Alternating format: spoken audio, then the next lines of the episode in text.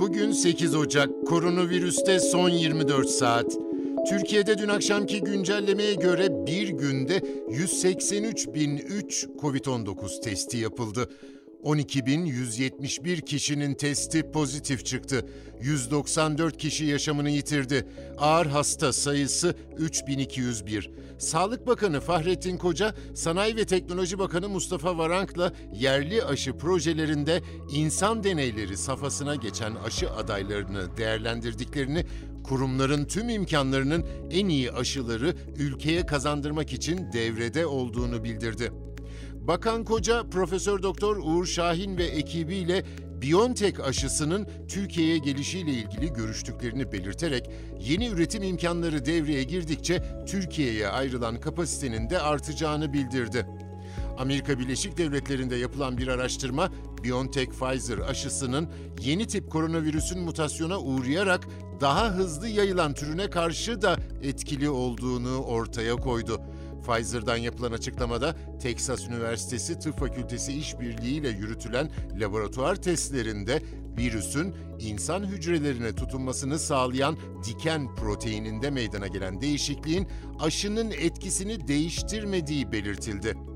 İngiltere ve Güney Afrika'da ortaya çıkan N501Y adı verilen mutasyon, virüsün diken proteininin tek noktasında ortaya çıkan değişimden kaynaklanıyor. Söz konusu mutasyonun virüsün vücuda daha kolay tutunmasını sağladığı ve böylece bulaşıcılığını artırdığı tahmin ediliyor.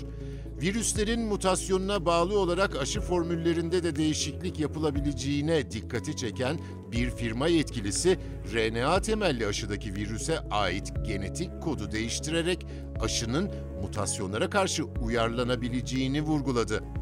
Virüsün Güney Afrika'da ortaya çıkan E484K mutasyonu bilim insanlarını endişeye sevk ediyor. Pfizer'ın araştırmasında yer almayan yeni mutasyonun diken proteininde yeni değişimlere yol açtığı ifade ediliyor. Bu arada Avrupa Birliği bu aşı için ikinci bir anlaşma yaptı. 300 milyon doz ilave ile 600 milyon doza çıkardığı alımı.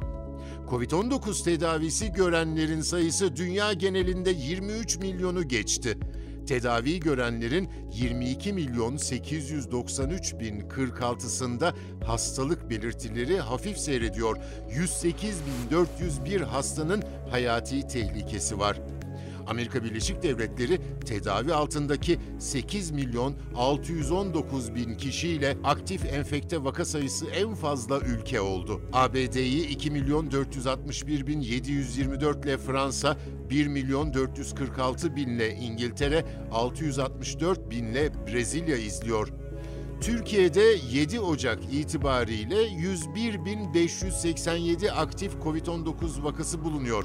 Bunlardan 3.201'inin ise ağır hastalardan oluştuğu belirtilmişti.